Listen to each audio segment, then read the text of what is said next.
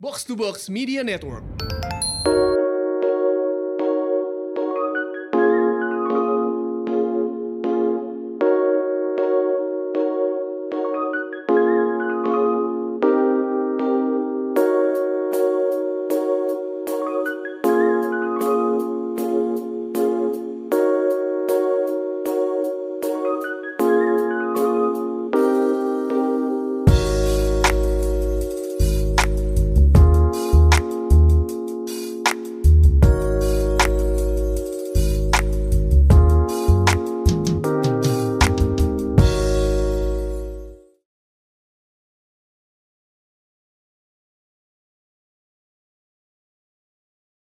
Unqualified episode ke-59 bersama Randy dan Gustika. mantap. Ini em, sudah memasuki bulan Agustus ya udah mau eh 17-an nih. Mm-mm, Dan tanggal 11 nih. Kita rekaman tanggal 11 tapi naiknya tanggal 20 berapa tuh? 24 ya. Karena kita udah udah kita udah banking 17-an nih. Iya, jadi selain karena gue nya sendiri ribet sama 17-an, karena masuk kuartal 3 dan ya penutupan setengah tahun tuh kayaknya proposal-proposal dan lain-lain tuh pada deadline-nya tuh sekarang gitu bulan ini. Lu bikin proposal apa sih sebenarnya? Adalah gue ada beberapa projects, tapi gue kan beberapa kan kayak masih nunggu approval atau enggak gitu kayak diterima atau enggak ya namanya namanya proposal kan gitu kan. Jadi tergantung dapet uh, dananya atau enggak pada akhirnya. Jadi gue nggak mau bilang dulu nanti nggak enak Ini kerja kerjaan apa apa Kerjaan. apa movement? kerjaan Oh, kerjaan. oke. Kalau movement gue bergerilya di unqualified aja sepertinya. Oke kali ini eh, kita akan ngebahas tentang terburu-buru ya. Gue sih aslinya orangnya tuh eh, sistematis sebenarnya, tapi kalau di kehidupan nyata sering banget terburu-buru gitu karena gue sih percaya segala sesuatunya itu butuh yang namanya eh, riding the wave gitu. Ritme gitu lah ya. Eh bukan kayak segala sesuatu tuh kalau lu jalan kalau lu mau maju ke depan tuh bisa ke depan p- pakai kaki gitu. Tapi kalau lu didorong sama sesuatu ombak gitu lu akan jauh lebih ke depan gitu eh, dengan effort yang sama gitu. Tapi kan itu butuh yang namanya apa sih namanya momentum kan. Nah itu itu yang tadinya gua gua itu sangat sistematis ketika gua sadar gue tahu nih momentumnya akan datang gua akan jadi sangat terburu-buru. Gitu. Jadi eh, ham- hampir semuanya sih sesuatu segala sesuatunya gue bikin eh, sangat pakai itu tadi pakai apa pakai riding the wave tadi. Kayak contoh gue bikin retropus gitu misalkan. Gue sih harusnya kalau gue nggak terburu-buru gitu gue akan bikin yang lebih yang lebih well prepare gitu kayak gue gue beli beli segala sesuatu yang lebih bagus gitu segala macam. Tapi gue lebih percaya sama yang namanya eh, momentum gitu. Gue gua tuh harus bikin tepat banget pas Piala Dunia gitu.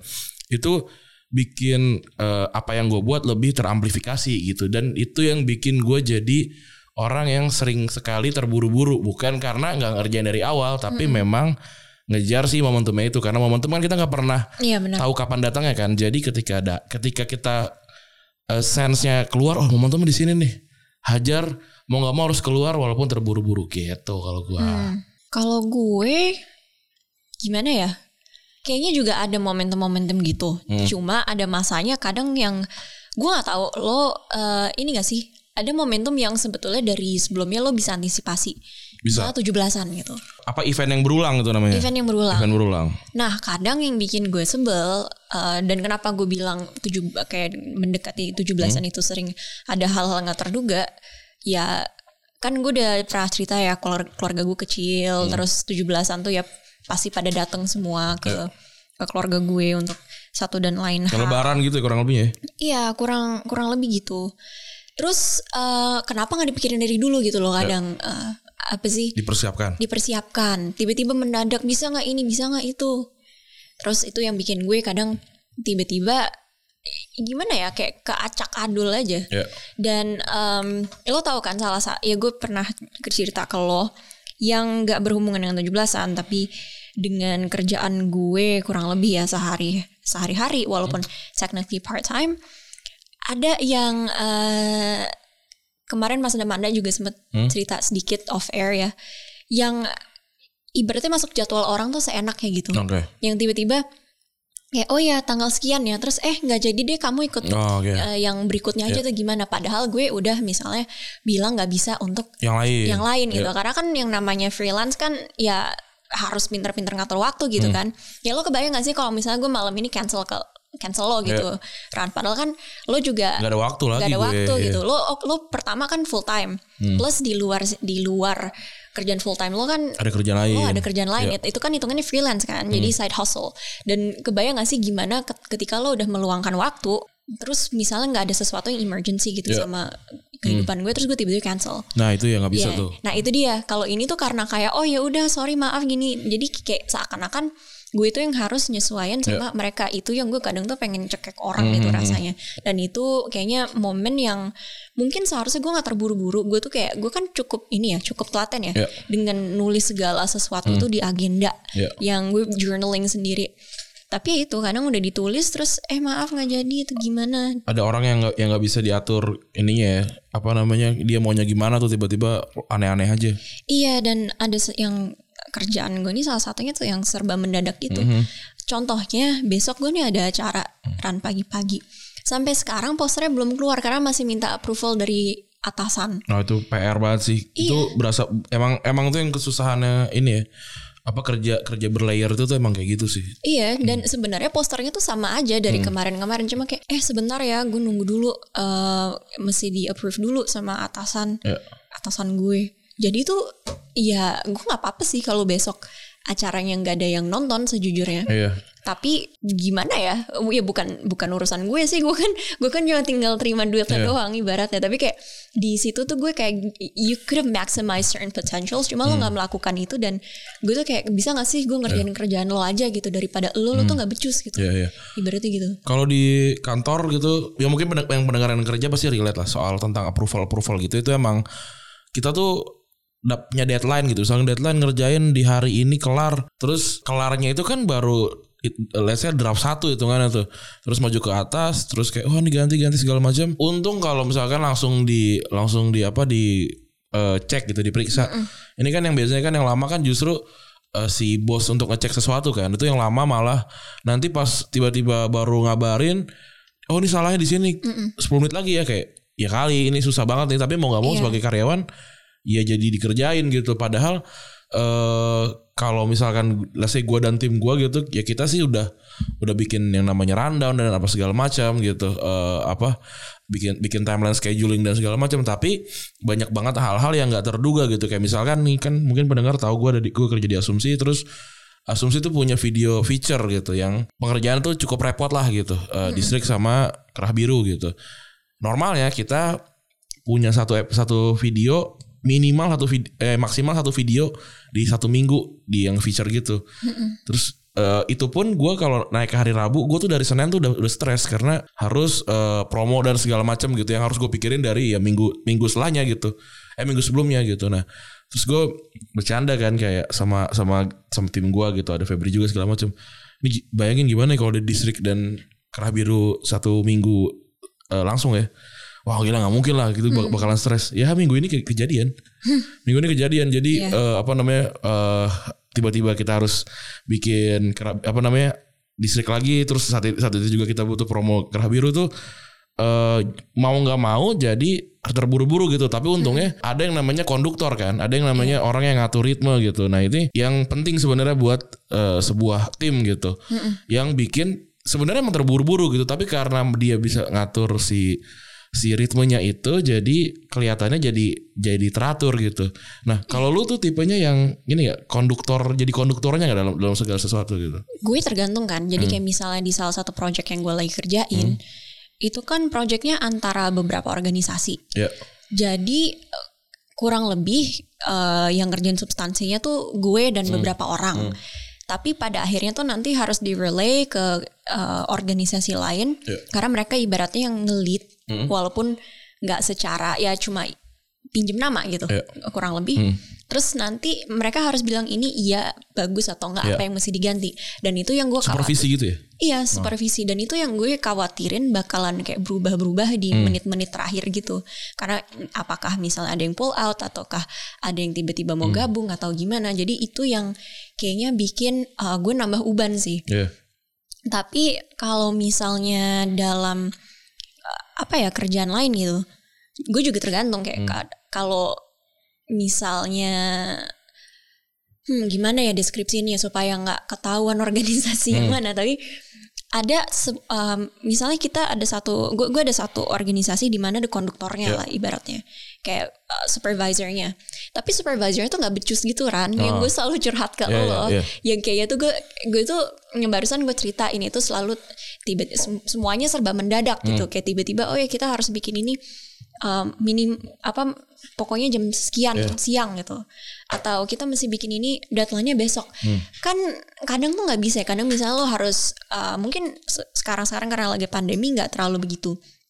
Cuma kebayang gak sih Misalnya lo, lo lagi di luar gitu Lagi gak di Jakarta atau gimana Terus tiba-tiba Oh iya kita harus bikin ini Besok Tiba-tiba Iya. gitu. Ini hari ini aja tiba-tiba dapat uh, Apa namanya Sebuah undangan buat ini Ada yang mau ikut loka karya gak Hmm. And it- it's Oh no itu buat lusa. Tapi intinya Kayak terburu-buru. ini terburu-buru gitu. Jadi gue sih nggak masalah ya eh, untuk kalau misalnya loka karya loka karya doang. Cuma kadang tuh ada beberapa hal yang ini tuh bukan kerjaan sehari gitu. Ya, ya, ya. itu ya. yang itu yang bikin gue huh gimana ya? Eh ya bukan stres cuma gedek aja gitu kadang. Apalagi ini mungkin gue sempat cerita sih ke Randi. Gue kayak pengen rada curcol gitu kan. Kemarin eh, dua episode yang sebelum ini ya kayak episode Manda sama episodenya Trifet gue sempet rada cerita soal sekolah nih. Ya. jadi gue mungkin nggak pernah cerita di sini kenapa gue tuh sekolah tuh panjang banget kan. Eh, perjalanannya gue lulus tahun 2011 Desember. Hmm. Ad- eh, gue baru lihat apa namanya diploma gue karena gue baru gabung-gabungin. Hmm. Eh, 2 Desember 2011 gue lulus dari SMA lalu eh, sebetulnya yang akhirnya gue kan pernah cerita juga beberapa kali waktu gue di UK itu Hmm. akhirnya gue keluar masuk ini kan counselor Ya. karena gue selama sekolah itu sebetulnya gue rada underperforming gitu. Hmm. Jadi waktu gue SMP kan kalau masuk SMP tuh entah kenapa di tes IQ ya. Ya. Gue nggak gue nggak paham uh, gunanya apa gitu. Dan nilai gue tuh dari dulu selalu biasa-biasa aja gitu. In in some subjects I was actually underperforming. Like I actually got an F in maths gitu. Makanya gue kayak sempat bercanda. Gue ranking terakhir dari Yeah. gue gue ranking pertama Dari- dari, dari belakang. terakhir. Iya. Eh nggak pertama juga sih, cuma kayak dua ketiga lah. Hmm. Intinya gitu. Tapi untuk untuk matematika, like pernah lah dapet nol. Hmm. Dan ternyata waktu gue di UK itu gue men- eh, didiagnosa, well not really diagnose, cuma harus di professional diagnose. Jadi sebetulnya kalau ADHD itu Hmm. ada lembaran dari WHO yang lo bisa isi dan kalau misalnya lo ketemu you meet the criteria, Hmm. that means that you have a learning disability yang eh, masuk yang namanya ADHD ini. Dan gue udah ngobrol kan sama nyokap. Dan gue gue pun menyadari mungkin pas gue masih TK gue nggak menyadari ini sama sekali. Ya. tapi ketika gue SD gue tuh selalu duduk paling depan ran SD SMP karena gurunya eh, ngejelasin apa pikiran gue tuh ke mana-mana gitu. Gue tuh pasti gambar gue kayak ya ya itu dia ADHD kan it stands for attention deficit hyperactivity disorder. Jadi gue tuh rada ada kayak attention deficit gitu kayak ngeblank tiba-tiba "Hah, kenapa? Ya. gitu. Itu padahal sebetulnya Sulit berkonsentrasi. sulit berkonsentrasi. Dan makanya kadang kenapa kalau misalnya gue ada suatu deadline atau gimana cara gue sendiri adalah gue ngejauhin kayak HP gue tuh gue gue jauhin dari gue karena misalnya tiba-tiba lo WhatsApp nih WhatsApp gue gue tuh bisa tiba-tiba buyar terus gue sejam ngapain gitu. Oh, oke. itu salah satu cara gue untuk kayak ngatur hidup gue. Um, so gimana ya? Tapi yang gue sebelin ini mungkin cur- curcol sedikit.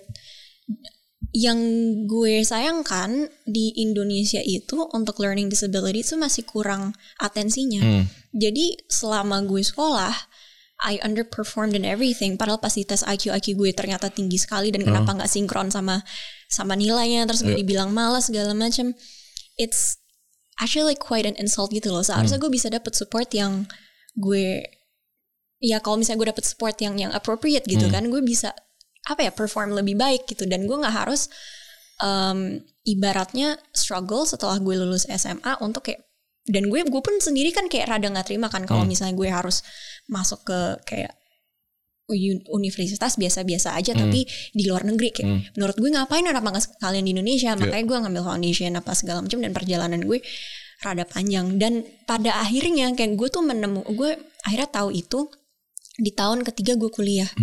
Walaupun karena eh, sebenarnya eh, yang ibarat yang kayak apa yang ngasih tahu gue bahwa gue ini ada ADHD kayaknya adalah si counselor ini. Ya. Tapi untuk diagnosa yang official gue harus kayak exam yang benar. Tapi WHO tuh udah punya yang apa sih kayak le- lembaran yang gue bisa Kayak isi rapid itu. test sama swab test gitu lah ya. Iya, ibaratnya gitu. Dan I I had ADHD. Dan nyokap gue bilang, oh iya dulu pas kamu di Columbia, Miss Judy tuh bilang, kamu tuh nggak pernah bisa konsentrasi di, Eh. di, di, di sekolah gitu. Dan gue sangat menyayangkan aja gitu selama gue SD, SMP, SMA. Kayak terutama SMP, kenapa gue tuh dendam banget. Gue tuh cuma kerjanya tuh dikatain goblok sama kepala sekolah gue yang gak bertanggung jawab itu gitu. Padahal maybe like I'm bukannya mau sombong atau gimana, but like I was probably smarter than everyone else in that school gitu. Gue jago bahasa apa segala macam, tapi gue underperform. Jadi ini kayak gue nggak tahu ini mungkin uh, hubungannya apa sama terburu terburu-buru exactly. Cuma karena gue mungkin bisa dibilang gue menemukan bahwa gue ini punya learning disability cukup terlambat. Jadinya mungkin di saat teman-teman gue teman-teman gue udah kayak di manager level atau gimana karena mereka langsung lulus kuliah pas umur 21 sedangkan gue baru masuk kuliah pas umur 21 gue bisa dibilang di belakang mereka kan. Jadi gue late bloomer gitu istilahnya kalau kalau apa namanya eh, ya kayak ya istilah dalam bahasa Inggrisnya. Tapi apakah gue ngerasa pressured pada akhirnya? Ya enggak gitu. Dan I don't know I feel like gue ngerasa pokoknya seharusnya guru-guru itu lebih bisa menyadari sebetulnya apa yang dibutuhkan murid per individu. Dan kalau misalnya ada yang berbeda jangan dikatain bukan dikatain sih tapi harusnya dicari tahu gitu kenapa gitu.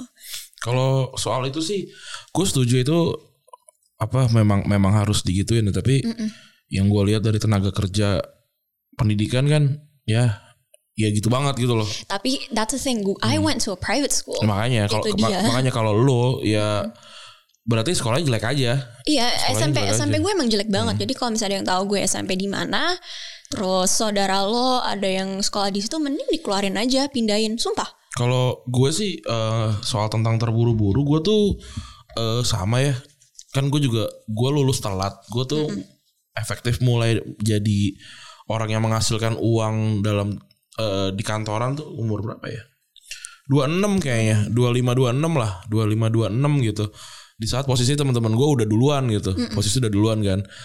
Dan gue dan gue sangat aware gitu. Gue aware dan gue mengambil pressure-nya gitu. Gue gue terima pressure-nya dan eh buat gue yang yang yang namanya tahu ketinggalan ya emang harus jadi lari kenceng banget gitu Iya, lari lebih kenceng gitu jadi eh apa kan temen gue mu- mungkin mulai kerja 23 23 24 25 gitu kan berarti kan gue terlambat sekitar 2 ta 2 3 tahunan tuh jadi gue Sama sama gue. Iya jadi gue tuh eh, kerjanya jadi dua kali gitu. Jadi dalam eh, ibaratnya gue tuh ngejar ketertinggalan dua tahun gue gitu. Walaupun sebenarnya nggak nggak nggak sepenting itu juga gitu. Iya. Kan kan sering banget tuh banyak banget yang bilang hidup kan bukan maraton apa segala macam. Tapi tapi kalau buat gue kalau gue bisa bisa mulai lebih dulu sih gue lebih happy gitu. Iya, tapi Gitu. mungkin ini lebih ke tuntutan sosial juga kan. Iya iya iya dan gue dan gue terima tuntutan sosialnya dengan bahagia gitu loh. Kan Ibaratnya jadi fuel gitu ya. Iya harusnya Jadi kayak bensin. harusnya kayak gue agak eh, bisa bilang kan kayak kenapa gue dituntut apa segala macam gitu. Kalau gue sih eh hajar aja gitu. Iya. Toh, toh dalam tanda kutip ada salah guanya juga. Gue tuh sering banget denger denger apalagi setelah teman-teman tahu gue lulus lama kan pada cerita kan bang gue juga lulus lama. Karena di, di kampus gue itu eh kok gue tuh nggak apa nggak asik gitu nggak sesuai sama sama Iya. passion gue gitu. Gue tuh gue tuh cuma bisa bilang itu tuh alasan. Iya benar. itu tuh alasan bener. Itu tuh alasan yang sama yang gue yang gue pakai. Itu itu juga kayak yang gue mau bilang juga ya sama learning disability. Um, did you know that Albert Einstein also had the same learning disability as I did? atau dia di- gitu. dibilangnya malah ini eh apa eh dulu waktu waktu awal-awal dia bukan dibilangnya bukan di- disab- disabilitas itu ma- malah dibilangnya kalau nggak salah apa sih namanya tuh eh autis Iya. waktu di- uh, itu makanya kan dipulangin ke ibunya kan kayak ini anak di di Iya. di kelas tuh Tapi malah kalau dia malah kan ada hypernya kan. Iya. Kalau gue nggak, gitu. Jadi kayak itu sebenarnya semacam learning disability spectrum gitu. Tapi sebetulnya kalau kalau misalnya lo punya learning disability, eh, yang lo butuhkan adalah gimana cara lo tuh cari strategi yang paling efektif supaya lo tuh bisa paling produktif gitu. Mungkin eh, terdengar toxic ya, gue bilang, oh ya harus produktif atau gimana. Tapi ya emang harus sih. Ya emang. Tapi maksud gue kayak kalau ada yang misalnya menuntut itu sampai rada toxic gitu. Kalau gue bukan gitu tapi maksudnya jangan menjadikan itu sebuah ya kesulitan yang kita punya. Siap siap orang kan pasti ada eh, kesulitan masing-masing yang mungkin gue terdengar sangat normatif. Cuma ini gue bicara dari dari pengalaman gue sendiri. Hmm. gue nggak mau gitu misalnya kayak menggunakan hal itu eh, untuk jadi alasan gue ibaratnya ngerjain semuanya telat gitu. Iya.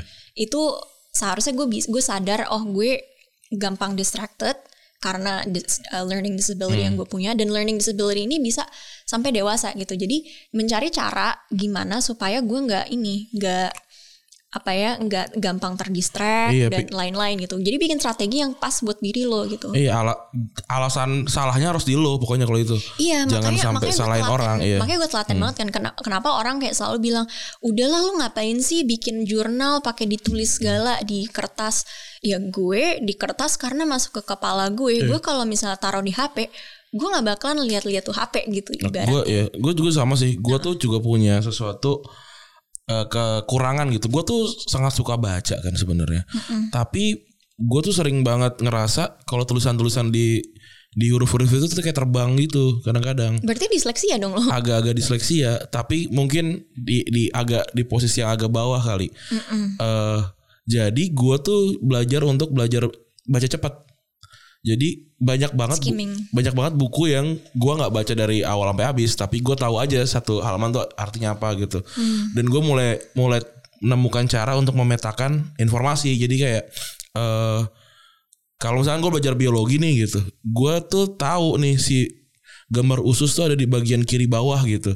Nah terus gue mulai mulai ngasih warna gitu di kepala gue.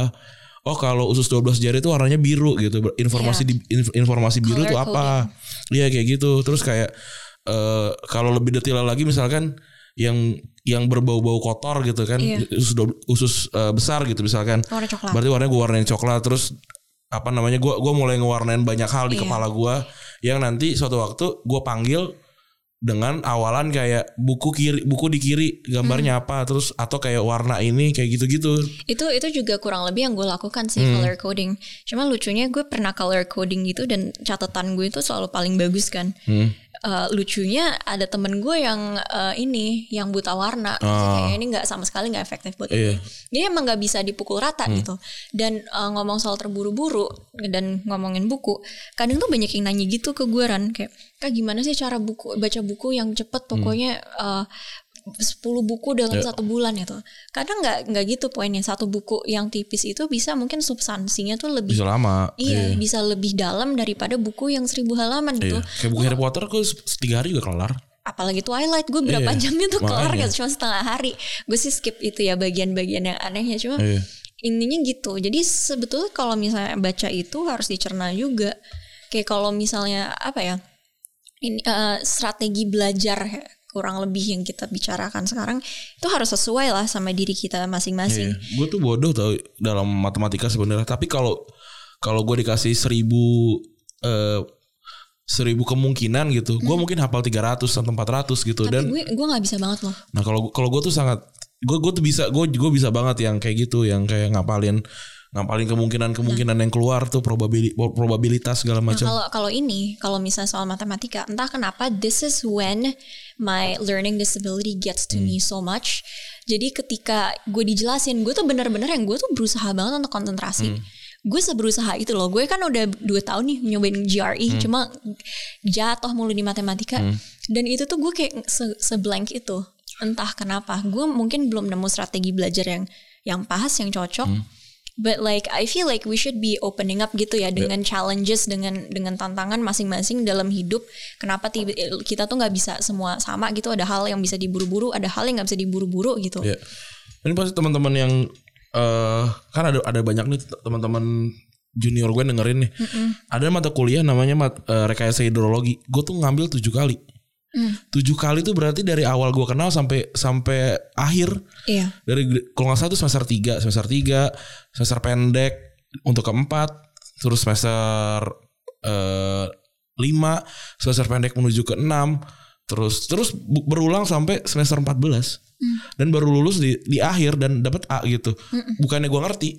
Saya actually gue actually gue ngerti. Eh, tapi gara-gara gue ngapalin dari eh, soal dari tahun 2008 gitu. Pokoknya apa pun yang yang mau datang ayo deh sini deh. Gue gua hajar gitu karena kan karena kan soal kan cuma ganti angka sebenarnya kan. Iya iya. Eh, tapi jenis soalnya banyak banget karena dosennya ada tiga gitu. Jadi gue nggak pernah tahu nih siapa dosen yang ngeluarin kayak eh gue gue jadi gue jadi jadi jadi memahami arti yang namanya terburu-buru gitu. Eh gue sih pengen pengen pengen banget tuh kelar kelar buru-buru apa segala macam. Tapi emang kemampuannya segitu sama dulu gue tuh anak emang raja alasan kayak Iya. aduh santai aja lah. Kayak ma- peng- masih pengen berkarya apa segala macam. Ma- wah itu itu ini apa namanya anak muda banget tuh anak yang kalau buat gue ya Dan itu wajar sih. wajar banget gitu. Tapi ketika lu ketika lu bermasalah di saat itu kelarin dulu masalahnya gitu. Masa masalahnya apakah emang bener lu pengen eh, berkarya atau pengen main-main dulu atau emang ada sesuatu di kampus lo gitu. Iya. di daerah di situ gitu. Apa kalau masalah sama teman lo sama dosen lo gitu. Jangan jangan tiba-tiba nyari alasan gitu. Karena itu yang terjadi sama gue dan beberapa orang yang lulus lama gitu. Kejad kejadiannya itu sebenarnya. Bukan bukan kayak aku ingin berkarya ingin membangun bangsa pengen ikutan demo apa segala macam. Enggak enggak. Itu itu itu, itu kita lagi lari ya. Itu tuh kita lagi lari gitu. Eh tapi kalau lu dalam memilih keputusan gitu dalam memilih keputusan lu bisa nggak eh, ditekan ketika memilih keputusan jadi jadi harus terburu-buru ayo dong cepetan putusin sekarang Nggak nggak bisa. Nggak gue bisa ya? pasti langsung salah. ah Jadi kayak eh, nggak tahu sih pengalaman gue itu sih nggak pengalaman gue sih nggak bisa ya. Hmm. Kayak misalnya kemarin yang gue eh, bergabung dengan sesuatu Hmm. Ran dan akhirnya ternyata gue menyadari bahwa gue tidak cocok dengan orang-orang di dalamnya. Ya. Gue kan akhirnya bersyukur bahwa gue bisa keluar Hmm, gitu dari situ karena menurut gue itu menjebak. Jadi gue nggak bisa diburu-buruin kayak gitu. Kayaknya harus gue pikirin Hmm. dulu. Karena eh, mungkin ini ini nggak ada hubungan dengan pilihan gue sendiri secara conscious. Cuma eh, beberapa kali tuh orang ibaratnya mau ngedompleng gitu. Hmm. Jadi kayak eh, ingat nggak yang kejadian gue eh, di wawancara sama Dennis Regar. hmm. dan gue kan bilang itu salah satu penyesalan gue Yeah. kan. Karena tiba-tiba gue itu mengambil keputusannya buru-buru gue ngeriset Yeah. dulu. Karena teman gue bilang ke gue kayak "Eh, ini dia oke loh dia pernah eh, wawancarain Mahfud MD gini-gini. Gue kayak oh ya udah. Itu gue percaya sama temen gitu. Sedangkan seharusnya gue belajar di situ harusnya gue riset sendiri. Hmm. pas gue nyampe situ gue dibilangin kamu harus bilang soalnya Bung Hatta itu masih ada mungkin orangnya seperti saya padahal gue bilang enggak enggak enggak kayak gue juga gitu. Kita dua orang yang berbeda. Maksudnya dari sengganya yang gue tahu ya dari cerita orang tua gue dari ibu gue terutama dari tante-tante gue beda banget lah sama gue eh, apa namanya sifatnya gitu. Yang mungkin yang diturunin ke gue adalah prinsip yang eh, melalui keluarga. Ya. itu sebenarnya. Cuma itu udah kayak menggiring gitu kan. Di situ gue rada kayak aduh gimana nih gimana terus tiba-tiba disuruh foto pakai jempol gitu. Karena kan em, zaman-zaman kampanye Ya. terus gue kayak anjir gimana nih? Terus kayak ayo dong ayo dong.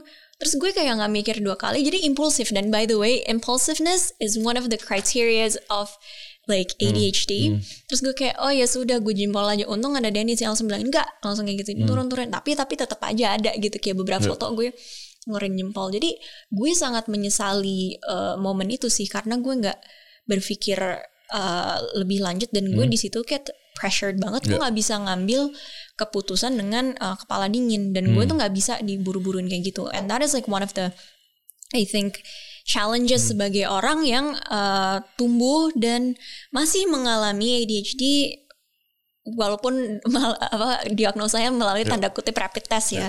Dan em, tapi setelah itu besoknya kan gue wawancara yang sama Pange tuh yang asumsi. Itu nyokap gue langsung panik tuh dia kayak ibu ikut aja terus Oh. makanya lah kenapa nyokap gue bisa ada di frame. ada di frame Eh, kan langsung ditawarin ibu Halida mau masuk atau enggak. Hmm. oh ya udah masuk aja gitu. Ada masuk kan karena em, apa namanya ya bonus gitu. Dan kita belum pernah satu frame. Dan itu kayak kenapa gue rasa gue benar-benar nggak bisa diburu-buru. Dan uh, akhirnya yang sekarang juga yang gue lakukan um, gue nggak pengen ngambil sebuah kerjaan full time yang makan waktu di luar Hmm. 8 jam sehari terus tiba-tiba gajinya cuma UMP lu kebayang gak sih Hmm. Sedangkan gue ada sih. ini Iya. ada ada masa ada unqualified gue harus um, tanda kutip gue kan ngejar S2 karena seperti yang gue udah kasih lihat lo lowongan-lowongan untuk bidang gue rata-rata kayak master's degree or two years of additional um, work experience yang gue nggak nggak miliki gitu gue nggak bisa dong apa namanya uh, kerja dua tahun uh, serabutan terus gue uh, tiba-tiba baru Yeah. masuk entry level. That is not the thing that I would want to do. Makanya gue ngambil projects yang pada akhirnya untuk gue sendiri uh, membayar lebih tinggi dari UMP gitu. Iya. jadinya ya itu alasan kenapa gue nggak ngambil kerjaan full time dan kenapa gue nggak merasa terburu-buru harusnya gue kerja kantoran selayaknya teman-teman gue gitu. Jadi pada akhirnya gue menyadari dari kecil ya gue gue bukannya menjadikan ini alasan cuma gue eh, mengerti gitu oh kenapa gue ini sel- selalu late bloomer gitu. Iya. dan gue em, akhirnya nyaman gitu dengan dengan being a late bloomer itu.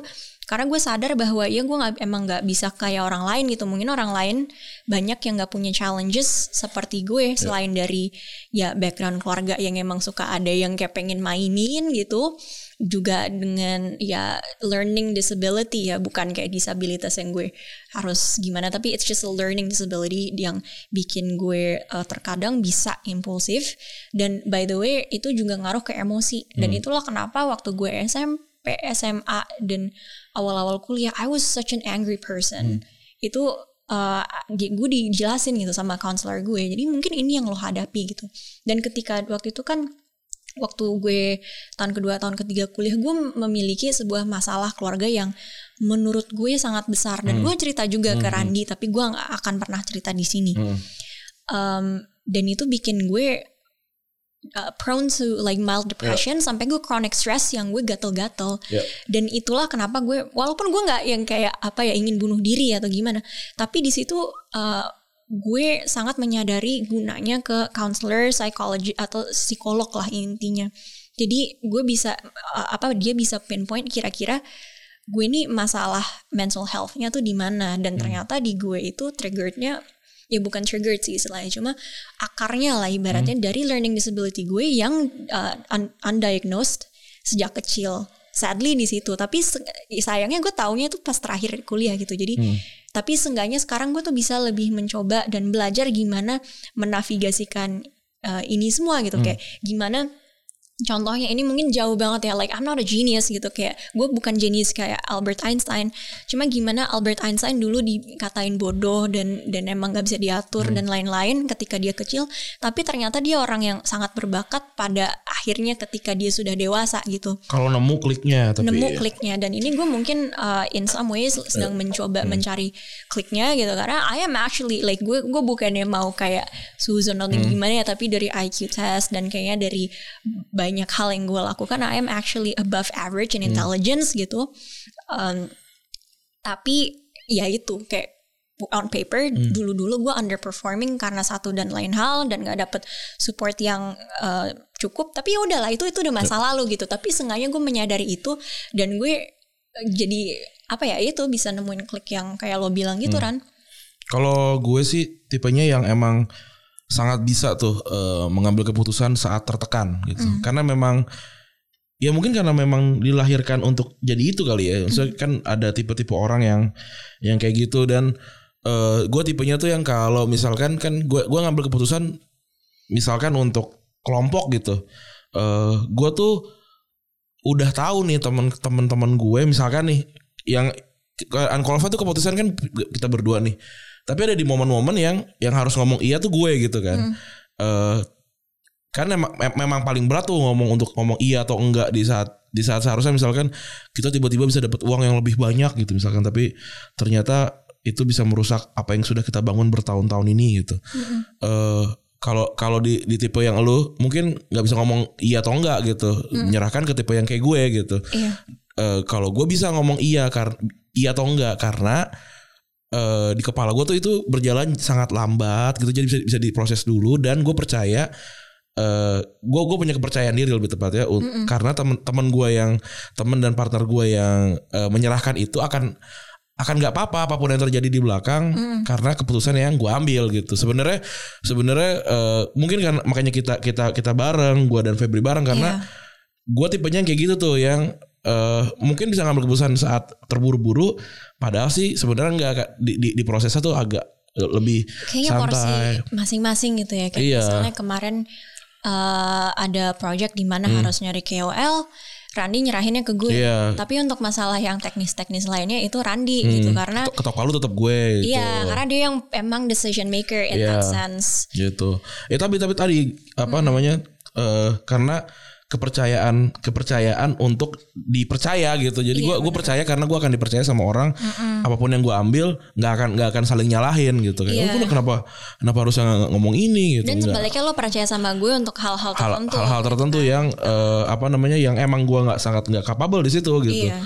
Eh, jadi sebenarnya memang eh, mungkin mungkin banyak yang dengerin ini berpikiran kayak oh nanti bakalan ada pembahasan soal eh, menikah gitu kan. Kan terburu-buru kita biasa di umur umur kita kan banyak menikah. Ada, ada. ada. ada tapi eh, kalau di gue kalau kalau misalkan kalau, boleh masuk sedikit soal itu buat gua eh, menikah dan apa segala macam itu bukan namanya buru- terburu-buru atau gitu atau, atau di- diburu waktu gitu. Tapi eh kan banyak yang bermasalah itu bukan sama dirinya tapi sama orang lainnya gitu.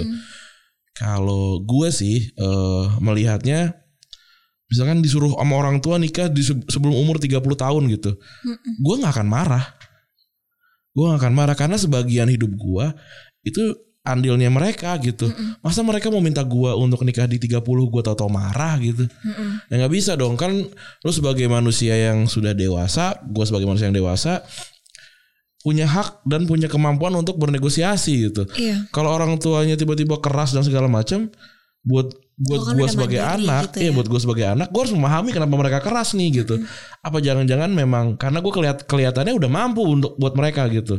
Ya tinggal jelasin kema- apa segala macamnya gitu karena ini nih sering banget ini email banyak banyak banget soal itu gitu yang gue tangkep kayak eh kekecewaan sama orang tua gitu. Padahal buat gue sih sangat wajar gitu ketika orang tua misalnya ada ada yang email kan gue dipaksa lulus buru-buru gitu Iya. Terus salahnya di mana gitu?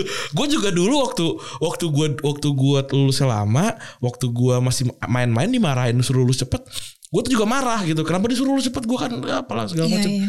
Ya kan mereka yang bayarin ya, atau let's say nggak mereka nggak bayarin deh. Dalam Tapi kan- kasus lo gitu. Iya, tapi kan mereka yang mereka punya harapan gitu loh. Mereka punya rasa sayang dan Betul. care gitu. Iya. Care itu apa sih? Kayak perhatian, Perhatian lah gitu. terhadap anaknya gitu yang mereka udah besarin. Hmm, Mungkin kita punya timeline. Mungkin gua gua punya timeline untuk nikah kapan, Gustika punya nikah kapan.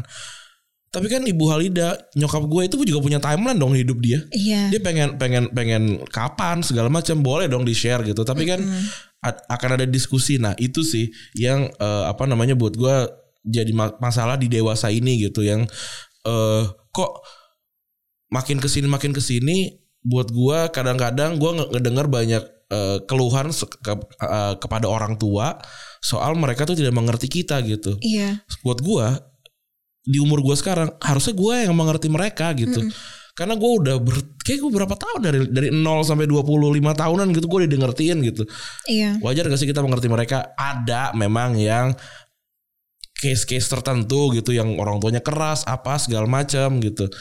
Tapi kan kalau kita nggak gitu kita nggak boleh dong ngomong yang ngomong yang apa namanya yang yang dibilang orang tua maksa atau segala macam gitu sih Iya. yang yang yang yang gue pengen yang gue pengen kita eh, harus fair juga gitu sama Kayak- orang tua Kayak sekarang tuh nyokap gue selalu ngingetin gue untuk nikah Hmm. gitu. Tapi di sisi lain dia menyadari kalau misalnya ada eh, Gustika kecil sepertinya gue bakalan kewalahan. Iya Orang gue masih kayak begini gitu. Hmm. Maksudnya apa ya? em, dia sendiri ingin ada Gustika kecil karena dia kan udah di atas 60 tahun Hmm. gitu. Jadi nyokap gue bilang, "Aduh, ibu bisa nggak ya lihat cucu?" Jadi ada hal-hal seperti itu yang kita juga mesti ngerti. Terus Iya, iya. nanya, emang penting ya lihat cucu? Ya nanti kamu kalau udah punya anak, kamu baru tahu rasanya Ya, gimana. betul. Terus nyokap gue ngomong kayak gitu, gue kayak Iya juga ya. Iya. Soalnya gue kan gue kan gak suka anak kecil Ran. Nah iya, terus kalau lu misalnya lu mar- lu curhat ke gue nih, eh nyokap gue suruh nikah segala macam, yang salah gue salah ya salah lu lah. Iya. Iya kan kayak gitu kan. Tapi kan gue gak pernah kan. Iya, ya maksudnya maksudnya kayak gitu loh. Apa Iya, kita kita eh, kadang lupa untuk memahami timeline orang juga gitu. Ya memang kan Iya. hidup kan memang ya hidup kita gitu kan. Nah, hidup hidup gua. Gua yang ngatur apa segala macam Iya. betul. Tapi kan ini ber- bersinggungan sama timeline orang lain gitu sih. Iya karena uh, manusia itu kan apa ya cool living ya istilahnya. Uh, habluminanas. Habluminanas itu hubungan manus- horizontal. Kalau Iya. habluminallah horizontal ini vertikal. ini antara manusia kan jadinya. Jadi ada ada elemen itulah kita nggak bisa hidup tanpa manusia. Walaupun gue sama Randi orangnya sebetulnya tidak terlalu suka pada Manusia, manusia, iya. pada umumnya. Tapi kalau misalnya Randi nggak ketemu, gue nggak ketemu Randi, kayaknya ada Nyari juga, sesuatu yang iya, janggal iya. gitu kadang gitu loh. Jadi se, se introverted introvertednya lo lo pasti pada akhirnya nyari manusia Hmm. gitu lo kalau misalnya disuruh sebulan di hutan lo juga stres kan Ran stres pasti stres Makanya. selain karena nggak bisa nyari makan ya tapi bisa nggak nggak nggak nggak berko- nggak berkomunikasi sa- sama sekalipun nggak bisa gitu Iya, walaupun misalnya lo dikasih eh, apa ya PS eh, 5 dengan solar system dan game yang banyak gitu kan, masih tetap stres pasti. stres, nggak Iya. mungkin enggak. dan buat gua terburu-buru itu ya natural gitu. Manusia terburu-buru banget karena itu yang itu kayaknya insting deh. Itu insting lo untuk menye- menyelesaikan sesuatu secara cepat gitu. Iya. eh nah masalahnya kan sekarang gimana nih kalau posisinya yang eksternal gitu yang kayak tadi masalah lo masalah gue gitu. Tapi menurut lo ada satu titik gak sih di mana lo mulai berburu-buru? Karena Oh, iya, iya, iya. misalnya Gue gue itu mulai awalnya gue kayak misalnya lulus SMA gue kayak enggak ah gap year dulu, enggak ah ini. Terus pas gue umur 25 baru tuh kerasa kayak anjir gue kenapa enggak dari dulu ya. Gue itu baru Iya. tuh kayak bukan penyesalan exactly cuma lebih kayak eh penyadaran gitu loh. Kalau nyesel tuh mungkin you dwell on it some, so Hmm. much gitu. Cuma lo sadar kayak aduh harusnya gue gini, aduh harusnya gue gitu gitu. Iya, Terus akhirnya lo re- recalculate everything dan di situ gue kayak oke strategi gue sekarang gini karena Hmm. gue harus gini dan di situ lo baru tuh mulai ibaratnya injek gas. Iya itu ya gue setuju ada ada ada momen ketika plan gue tidak berjalan dengan benar gitu sebagai sebagai orang yang nga- mengatur semuanya dalam hidup gitu kayak gue gue umur segini harus di sini apa segala macam tiba-tiba deng salah nih gitu wah ini plannya nggak berjalan dengan baik gitu Iya. nah untuk biar biar kan kita harus motong tuh motong bagian luka tuh Iya. biar nggak jadi zombie semua kan dipotong gitu. Nah tapi kan di, di, di depan sana tuh udah ada plan yang sudah dibentuk gitu. Nah untuk me- mempercepat mempercepat si si plan yang tadinya batal ini itu memang harus mau nggak mau terburu-buru gitu. Iya. Nah tapi tapi kan gimana caranya kita sekarang bikin nggak apa terburu-burunya itu jadi eh, kan apa ya sempat gue gue lupa ini apa tapi ada yang bilang jangan jangan mengambil keputusan ketika lu sedih dan Marah. marah gitu. Eh sorry marah dan bahagia gitu. Nah ini nih posisi yang ini nih pengambilan keputusan ini gitu. Buat gue sih terbu buat gue terburu-buru eh hal yang hal yang lumrah gitu tapi pengambilan keputusan ini nih yang yang berbahaya sebenarnya. Itu Karena karena kalau dipikir ya gue waktu umur 12 gitu gue kayak aduh gue pengen banget jadi teenager Iya. gitu. Kayak 13 itu kan jadi kayak apa ya masuk 13 terus gue nontonin Sweet 16 di MTV gue kayak aduh pengen banget punya Sweet 16 gitu. Terus kayak uh, apa namanya I can't wait to be legal umur 18 gitu. Terus kayak Mabok. oh gue pengen banget legal di Amerika Serikat 21 gitu. Terus ya after afterwards you have like nothing more to you know look forward to. Mungkin eh, tapi gue nggak pengen juga sih masuk 27 Club. Itu mungkin sesuatu yang gue bisa gue look forward to tuh gue nggak mau. Dimimpiin tuh sama teman gue dibilang gue teman gue mimpin gue meninggal kemarin dibilang tiba-tiba jangan dong. tiba-tiba si teman gue ini nanya kabar gue kan teman baik gue tem- teman teman baik gue waktu gue waktu gue kuliah kita struggle bareng deh. Kita kita mengalami kemiskinan bersama gitu. Eh, terus dia bilang Ran lu ini eh sehat sehat. Kenapa emang gue kira tuh tipikal jadi dulu dia emang emang tipe tipenya yang waktu zaman kuliah tuh minjem duit mulu sama gue. So, anjir mau minjem duit nih.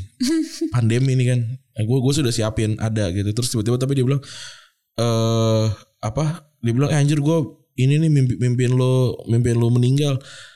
Di kan gue tuh em- memang memang sering banget bilang kan eh gue pengen mati umur 27 tuh zaman dulu kan kayak ker- keren banget gitu nah dia bilang iya gue mimpin lo mati di umur 27 gitu. Ya udah lewat kan sebenarnya. Iya. Tapi tapi Tapi apa? masih 27. Gue 28 sekarang. Oh, 28. Oh iya ya kan lo 92. 92. Ah, ya dia, dia dia bilang kan, "Eh gua gua gua mimpi mimpi lu mati di di, di umur 27 barengan sama sama itu sama Kurt Cobain dan sama Kurt Cobain sama Amy Winehouse terus sama Janis Joplin segala macam Iya. gitu kayak.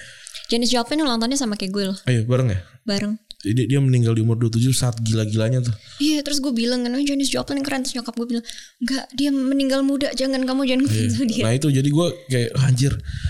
Eh, ternyata sesering kan itu kan itu kan recall memory kan. Iya Pasti itu itu dia tiba-tiba otaknya otaknya merecall obrolan kita zaman kita kuliah kan. Bener. Berarti gue gue mikir anjing berarti sesering itu ya gue punya punya ide untuk mati di umur 27 dari zaman zaman gue muda gitu dari zaman zaman gue kuliah. mantan gue ada yang pengen mati bunuh diri dulu Anjir itu gara-gara gara-gara dia caper apa gimana? Enggak Gara-gara menurut dia Kayak harusnya yang punya kontrol terhadap hidup Hmm. dia Ya dia sendiri gitu Oh iya. Jadi kayak nggak pokoknya gue mau meninggalnya bunuh diri aja gitu Gue yang kayak kan dosa ya udah Pada- bodo amat Padahal kalau lu kanker juga itu kontrol diri lu sendiri kan, nggak ngatur makan dan segala macam itu kan itu dalam sebuah kontrol juga. Iya ya Iya, kalau lu mati kecelakaan kan itu kan kontrol lu memilih untuk punya SIM dan punya kendaraan. Maksudnya sebenarnya nggak nggak segala sesuatu di dunia tuh nggak pernah ada yang ko- 100% coin- coincidence tuh nggak ada. Buat gue percayanya itu ya. Eh pa- pasti yang yang namanya apa namanya butterfly effect tuh ada ada kupu-kupu mengepakkan sayapnya di hutan Amazon, tiba-tiba ada orang Bekasi yang ke, apa kepleset gara-gara bobanya itu gue sih percaya sih. Emang iya Iya nggak maksud gue Oh. apa namanya ada ada ada ada itunya kayak gitu. yang kepleset boba beneran terus jadi berita. Ya kita nggak tahu berita belakangan ini tuh gimana. Iya. Gue baru tahu ada berita yang makanya gue kemarin komen eh, di itu lo nggak mau ngajak gue berantem aja.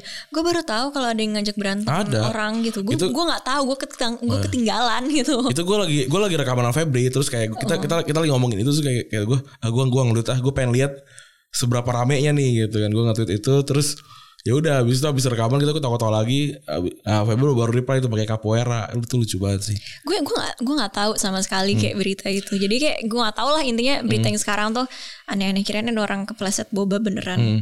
oke kita masuk email kali ya Mm-mm, masuk Oke. email.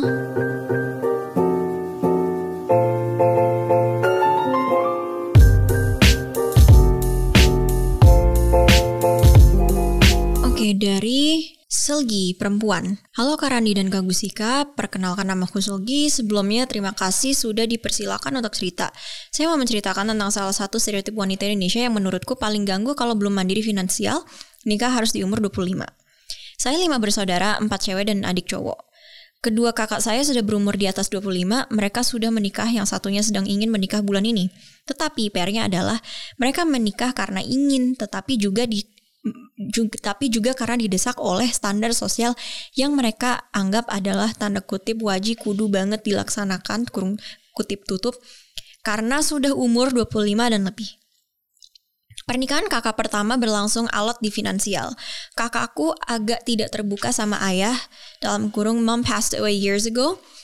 Dan ditanya tabungan udah ada berapa buat nikah, jawabnya muter-muter. Dua minggu sebelum nikah dan panik belum bayar lunas gedung catering dan sebagainya, kalau di total sampai 60 juta. Terpaksa deh ayah pakai tabungan yang seharusnya dipakai buat aku dan adik cowokku baru kuliah. Nyicil juga masih mandek ke ayah sampai saat ini. Kejadian saat ini berulang lagi dong di kakak kedua. Kukira gak bakal kejadian karena aku tahu dia giat menabung. Ternyata sama aja. Dia juga gak ngerasa siap. Mertuanya mendesak kalau udah lamaran harus nikah atau tidak atau tidak pantang karena takut gagal nikah dalam kurung kayak SKCK aja kalau udah 6 bulan gak berlaku lagi. Untung aja mertuanya orang berada jadi masih mau cover biaya resepsi yang entah kapan akan dilaksanakan saat first wave di Indonesia aja masih belum kelar. Kakak kedua terpaksa pinjam duit ke bank buat cover biaya catering akad di rumah Agustus nanti. Diriku cuma bisa berkata aduh aduh aduh.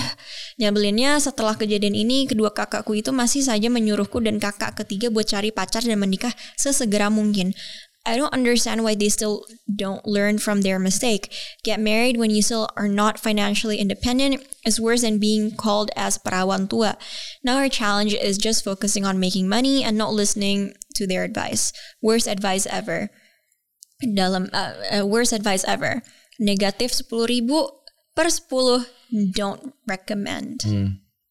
Iyalah bener. Iya. Ngapain nikah? Ba- Iya enggak maksudnya gue juga bukan tipe yang nikah terus nggak nggak dibayarin gitu misalkan. Ya mungkin kalau bokap gue mau bayarin silakan aja gitu. Tapi gue sih memilih untuk bayar sendiri dan posisi gue sekarang eh apa namanya?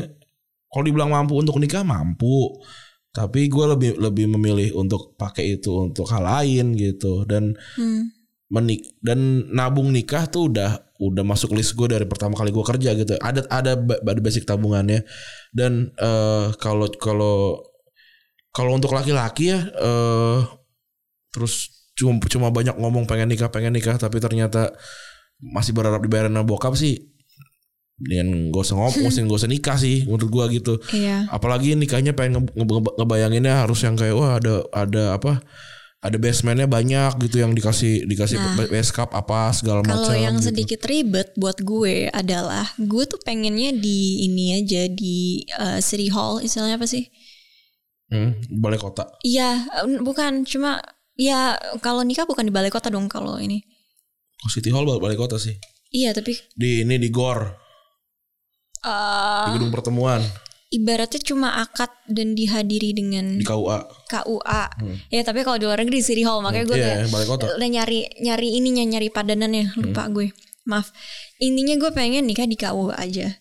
Cuma ada tuntutan sosial yang gue sangat tidak sukai dan Iyalah. pasti kayak oh harus ini harus itu. Jadi orang tuh ngebayanginnya ya gimana gitu kayaknya harusnya tertentu apalagi eh, bokap gue dulu dubes terus em, bokapnya Dennis seandainya gitu. Ini kan em, mis- kita bicara sekarang gitu dan kayaknya iya gitu nikah sama Dennis kan eh, bokapnya polisi gitu. Jadinya tuh harus ngundang kayaknya ibaratnya satu provinsi gitu harus diundang. Cuma gue kayaknya nggak mau gitu kayak nggak kebayang gitu harus pakai suntiang berat-berat. Terus lo kebayang gak sih di mana lo harusnya uh, malam pertama gitu terus lo nya tuh kecapean gara-gara lo berdiri uh, apa nerimain tamu 4000 orang. Nah kalau gitu gue akan idealis tuh. Gue gua akan bilang ini, ini nikahan gue gue yang mau.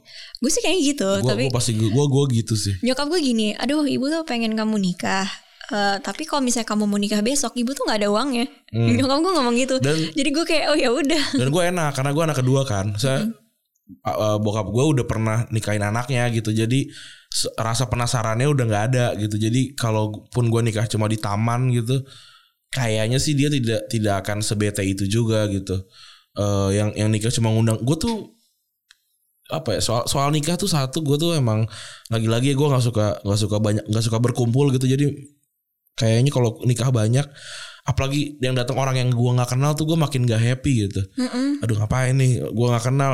Orang yang nggak gue kenal. Apalagi kalau saudara-saudara yang rese gitu nggak nah sih gue nggak bisa sih. Itu gue Iya. nggak bisa sih. Itu orang yang gue nggak kenal. Terus makanan-makanan yang gue nggak makan.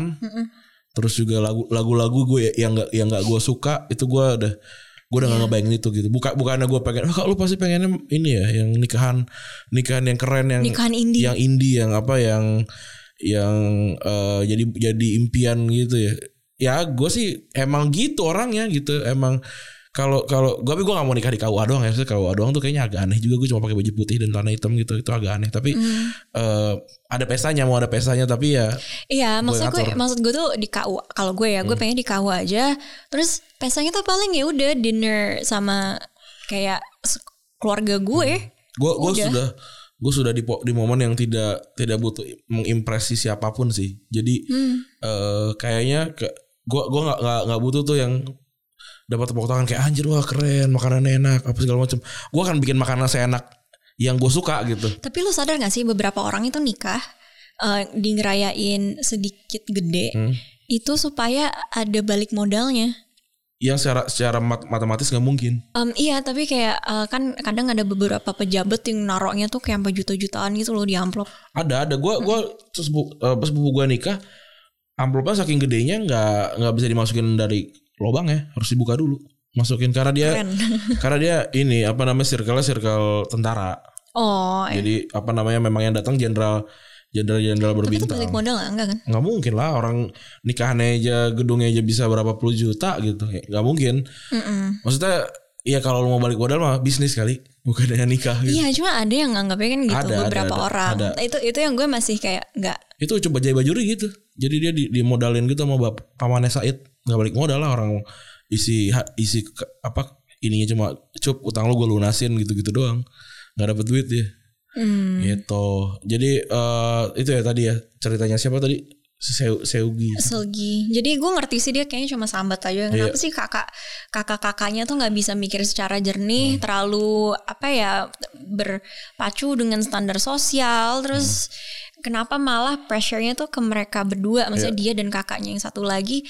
Sedangkan tuh contohnya tuh udah kayak kenapa sih lo nggak bisa belajar dari kesalahan gitu, ibaratnya. Oke kita masuk ke email kedua ya.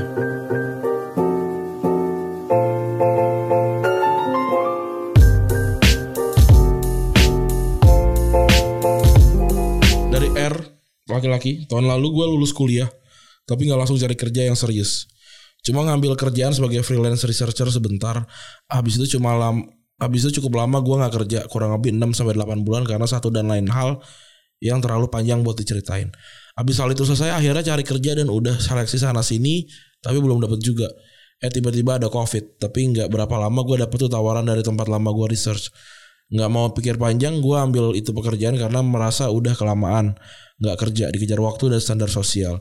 Udah nggak enak minta uang jajan dikejar umur dan uncertainly karena covid. Sekarang gue alhamdulillah mau masih kerja di perusahaan di pekerjaan tersebut. Dan cerita itu mungkin nggak ada masalah nggak kelihatan masalahnya di mana dan gue pun emang nggak menyesali keputusan gue di situ buru-buru ngambil pekerjaan tersebut yang sekarang jadi masalah adalah gue cukup teledor untuk nggak pernah ngebahas hak hak hak gue sebagai pekerja secara detail dari pendapatan bisa di skip walaupun masih sedikit di bawah UMR tapi gue masih oke dengan angkanya tapi hak lainnya seperti jam kerja cuti dan bonus ke-13 yang sekarang bikin gue mikir Jam kerja di perjanjian awal udah setuju dengan jam normalnya orang kerja 5 hari 8 jam. Tapi karena Covid sama sama sih kayaknya banyak yang ngerasain juga. Kadang masih dikontak malam dan atau weekend. Wah, ini saya sekali nih. Jujur cut- eh cuti. Jujur sama sekali nggak kebayang sebelumnya kalau nggak kalau gue merasa but kalau gue nggak merasa butuh cuti. Karena gue dari awal emang udah WFA dan jadi nggak pernah ngerasa kalau orang WFA perlu cuti. Jadi sering dengan dengan seiring berjalannya waktu kondisi covid yang bikin harus di rumah aja lama-lama ngerasa exhausted juga. Sekarang gue cukup bingung mau nagihnya gimana tiga tiga bonus gaji ke 13 sebenarnya cuma ekstra tapi nggak ter, nggak terlalu butuh karena or, gue orangnya emang cukup hemat. Tapi juga kepikiran aja sekarang bingung juga gimana mau nge- ngebahas nagihnya. Andaikan emang bisa karena jujur lebih merasa pentingan cuti daripada dapat bonus. Dari cerita gue sih dari cerita gue sih gue pengen bilang ke kalian yang udah nggak tahan gabut di rumah mau buru-buru kerja ketika nanti ada tawaran dan kalian emang cocok jangan lupa akan hak-hak kalian sebagai pekerja apalagi kalau tawaran dari perusahaan baru startup yang lingkungannya lingkung, lingkungan kerjanya belum stabil. Mungkin Gusika ada tanggapan kalau sama researcher dan yang sering bicara tentang hal ini juga. Dan ini kalau ada tanggapan juga boleh kok. Oke makasih. Kayak lo dulu Deran nanggepin. Soalnya eh, soal kan gue freelance research, jadi Ya, gue nggak ada kayak hak-hak cuti gitu. Kalau gue sih selalu minta kontrak ya, minta minta kontrak. Kayak kayak misalkan kalau ini deh, hal pertama yang gue minta sama klien pasti do and don'ts. Hmm. Jadi gue tahu apa yang harus gue lakukan dan apa yang nggak gue lakukan. Karena eh, penting gitu. Itu dulu do and don'ts, baru gue minta hak dan kewajiban. Gitu. Kewajiban kewajiban gue adalah ini ini ini ini ini dan hak gue ini ini ini ini. Nah baru diskusi itu Habis itu baru kita ngomongin tentang apa yang akan kita bahas kontennya itu gitu. Itu itu emang ini banget lah, emang apa? Emang hal pertama yang harus lo lakukan gitu apalagi posisinya mis- kita kita sebagai orang yang kerja sama klien yang beda-beda gitu. Kalau soal jam kerja gimana Ran? Kalau gua soal jam kerja, Dan weekend, jadi gua tuh eh, sebenarnya cukup spesial di awal. lo di media Di kan? media, di media terus di awal tuh kan gua kan kerja dua tempat. Mm-mm. Nah terus gue dulu tuh di, di, dibolehin cuma datang pas gue syuting saat gue nge-produce doang gitu. Itu di awal tuh perjanjiannya itu. Tapi setelah gue nggak nggak kerja di media yang satu, gue jadi ini dong apa namanya ja- jadi harus harus balik jadi karyawan normal gitu yang datang di eh, jam apa namanya jam masuk kerja dan pulang kerja gitu walaupun sebenarnya dia, dia asumsi ini enaknya gue datang jam satu pulang jam 6 tuh santai Hmm. karena jam satu malam pun gue masih masih masih masih di teror kerjaan gitu. Jadi kalau kalau soal jam kerja gue sih sangat fleksibel. Tapi kalau lu udah di, udah dituntut jam 5 sampai jam 8 harusnya lu boleh nggak ngapa-ngapain di, di itu. Tapi kan kayaknya agak susah apalagi pas WFA ya. WFA Iya. tuh baru mulai brief aja kadang-kadang jam 6 sore apa segala macam gitu. Jadi tega-tegaan sih itu, tega-tegaan gitu. Kalau di so gue kalau di Prancis nggak boleh kan. Lu Nggak lu, boleh. lu lu nggak boleh dapat lu nggak boleh eh lu berhak untuk nggak balas email di luar jam kerja kan. Iya. Dan itu yang gue coba terapin untuk beberapa ini ya. Kayak Iya. kalau unqualified kan karena technically ini gimana ya? Unqualified kan punya gue ya. Hmm. Jadi gue sama lo. Ibaratnya tuh kayak tanda kutip ownernya kita. Mau kerja jam berapa ya kita ngatur. Iya gitu. Jadi kayak kalau misalnya qualified gue mau hari minggu sekalian gitu ya nggak masalah. Kecuali misalnya gue ada acara keluarga nih. Ya gue bilang gitu ke Randi gue ada acara keluarga di mana gue nggak bisa diganggu. Atau Randi bilang ke gue gue ada acara keluarga di mana gue nggak bisa diganggu. Ya kita saling ngerti aja gitu di sini. Kayak kayak rekap gue kan ba- banyak tuh waktu-waktu yang emang di studio gitu nggak bisa nggak bisa megang handphone gitu Ya nggak kayak bisa. kemarin gitu Ya, kan. ya gue gue bisa. Hmm. jam 7 masuk studio to- tolong ngurusin sosmed. Jadi kayak bagi tugas. Tapi itu mungkin a different story Hmm. gitu. Jadi dan itu kan di lu- luar jam tanda kutip jam kerja Jam biasa kerja ya. gitu. tapi kan ini kan not really a full time thing. Price eh, itu price to pay sih. Iya, it's a price to pay. It's it's our thing. Tapi kalau untuk kerjaan yang lain, beberapa kan beberapa kali gue cerita sama Randi, gue agak ngegas tuh yang pas udah udah mepet-mepet, terus yang kayak nggak ada kon- konsiderasi waktu, terus apa tiba-tiba eh, berubah-berubahin jadwal.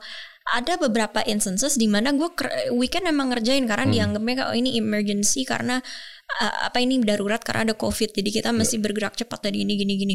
Dan gue kayak menganggap oh ya sudah gitu. Ya ya udah gue kerjain aja. Iya. Tapi setelah jangan ke sini sering-sering dong. jangan sering-sering. Nah, itu itu karena gue gue rasa itu karena memang ada darurat gitu.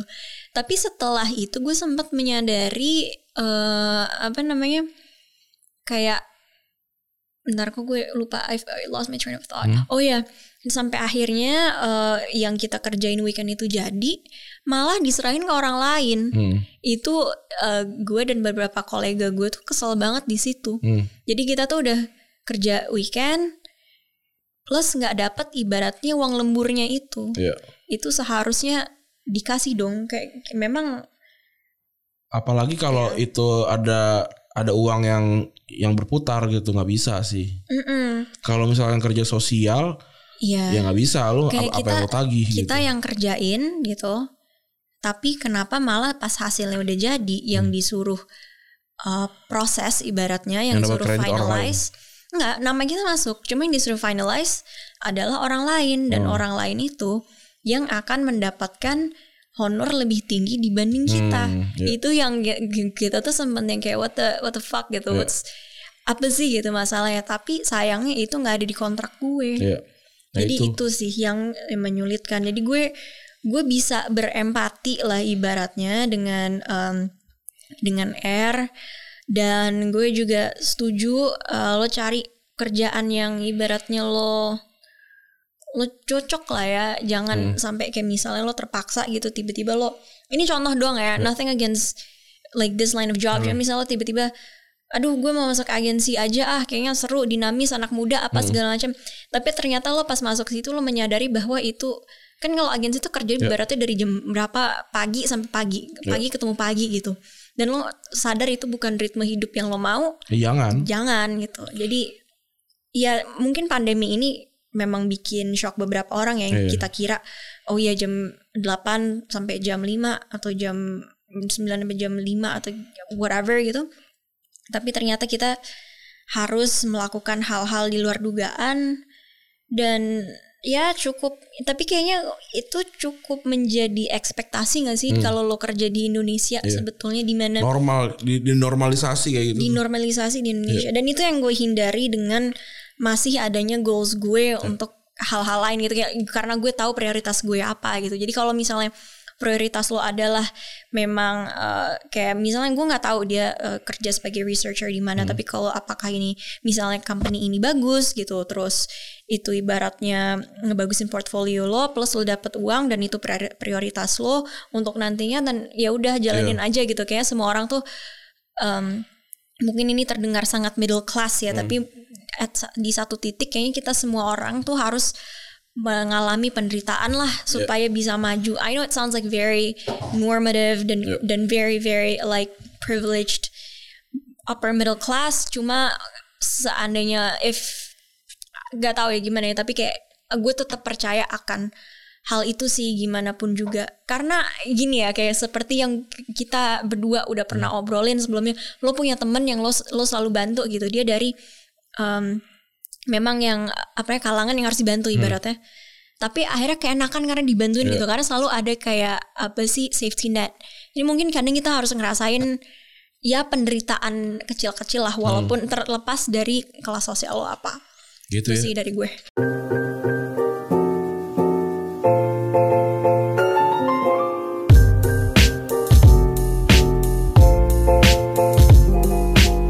Em, kita masuk ke email terakhir nih dari seseorang bernama H laki-laki. Halo, saya H. Cerita buru-buru saya terjadi tahun ini. Ketika saya mengikuti ujian seleksi PTN UI atau SIMAK UI. Jadi karena setelah lulus SMA saya nganggur, saya belajar gila-gilaan dan momen ujian UI, momen uang momen yang paling dinanti kali maksudnya.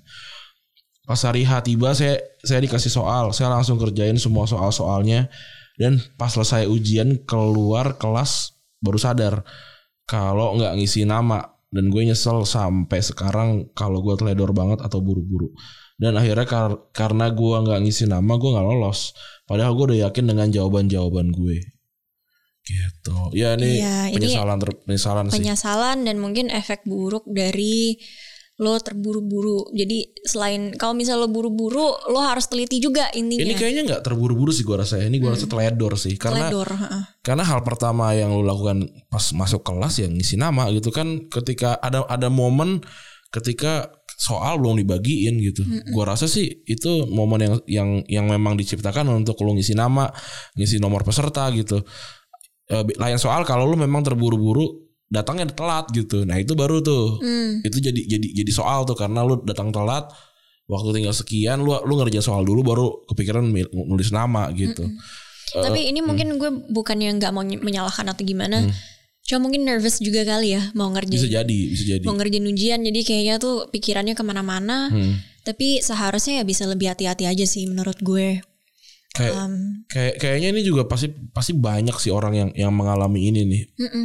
Kayak mungkin udah di akhir gitu kayak oke gue gue tenang tenang tenang terus tiba-tiba sisa dua menit terus kayak anjing gue masih buru-buru Iya. terus sampai lupa nulis nama. Jadi sebetulnya yang lo harus lakukan adalah strategize everything. iya Itu yang gue dulu nggak lakukan uh, kayaknya ya atau kurang melakukan atau belum nemu formulanya. Jadi iya kalau ditemukan saja. kalau gue sih eh kalau misalnya mau ujian pertama yang ditulis nama terus cari soal paling gampang tuh kayak itu udah jadi eh patokan gue banget lah gitu. Nyari yang soal yang paling gampang. Kayak gue gue bisa aja buang waktu 5 menit cuma untuk nyari soal yang paling gampang tuh nggak apa-apa gitu. Dibandingin gue harus berkutat di soal yang yang yang susah gitu. Dan Iya. eh, terbukti gitu gue ujian ujian waktu zaman zaman kuliah ya, untuk masuk lulus untuk untuk masuk kuliah tuh UI dapat undip dapat terus eh, beberapa kampus lain dapat gitu. Karena ya tadi gitu tahu tahu strateginya dan emang gue tuh tipenya tuh susah nervous sih emang orangnya. Hmm. karena mungkin eh deadpan gitu ya eh, apa namanya cukup cukup nggak nggak kelihatan gitu ekspresinya segala macam jadi gue agak sulit untuk membedakan kapan gue nervous gitu. Kadang-kadang suka deg-degan iya tapi kalau nervous yang sampai panik jadi gagu tuh kayaknya enggak sih. Kalau gue sih always overthinking. Hmm. dan gak mungkin nggak Nah, kalau kalau kalau gue tuh ngerasa soalnya gue kadang-kadang suka gini sih apa pun yang akan gue dapat pasti itu over over apa eh pen- apa gue tuh pasti sudah melewati seharusnya gue dapat apa gitu. Udah kayak ya udah dapat ini udah pak udah cukup lah gitu gue biasanya. Iya. gitu kali ya untuk episode kali ini episode yang cukup menyenangkan nih eh, bahasannya yang awalnya sih gue masuk ke sini juga cuma pengen bilang tentang pernikahan tapi ternyata enggak juga Enggak, ya kayaknya emang namanya hidup ya kadang buru-buru walaupun kita ngerasa pengen slow, cuma pressures get to you Iya. atau kadang dia nggak harus pressure juga cuma Iya. mungkin lo ngerasa apa ya soalnya ada beberapa juga nih Ran yang masuk. Hmm. mungkin dibahas singkat aja yang masuk oh gue sih nggak pernah ngerasa terburu-buru gue nggak mau ikutin standar sosial atau gimana. Mungkin lo belum aja. Iya belum aja. Pada akhirnya nanti juga akan ada momen-momen terburu-buru dan ketika lo momen terburu-buru baru tuh ngerasa kayak bener nih gue terburu-buru Oke gitu ya. Terima kasih teman-teman yang sudah mendengarkan episode ke-59. Gila bentar lagi episode 60 gokil. Iya. Em, ah udah udah 17-an juga kita gak usah ngucapin juga ya, udah lewat. Eh, terima kasih Tapi ya nggak apa-apa. Iya. Merdeka. Merdeka Indonesia. Hati-hati di dituduh makar. terima kasih ya eh, kakeknya Gustika sudah memerdekakan Indonesia. Astagfirullah. Gua Randy Iya cabut. Oke, gue juga cabut. Bye. Bye.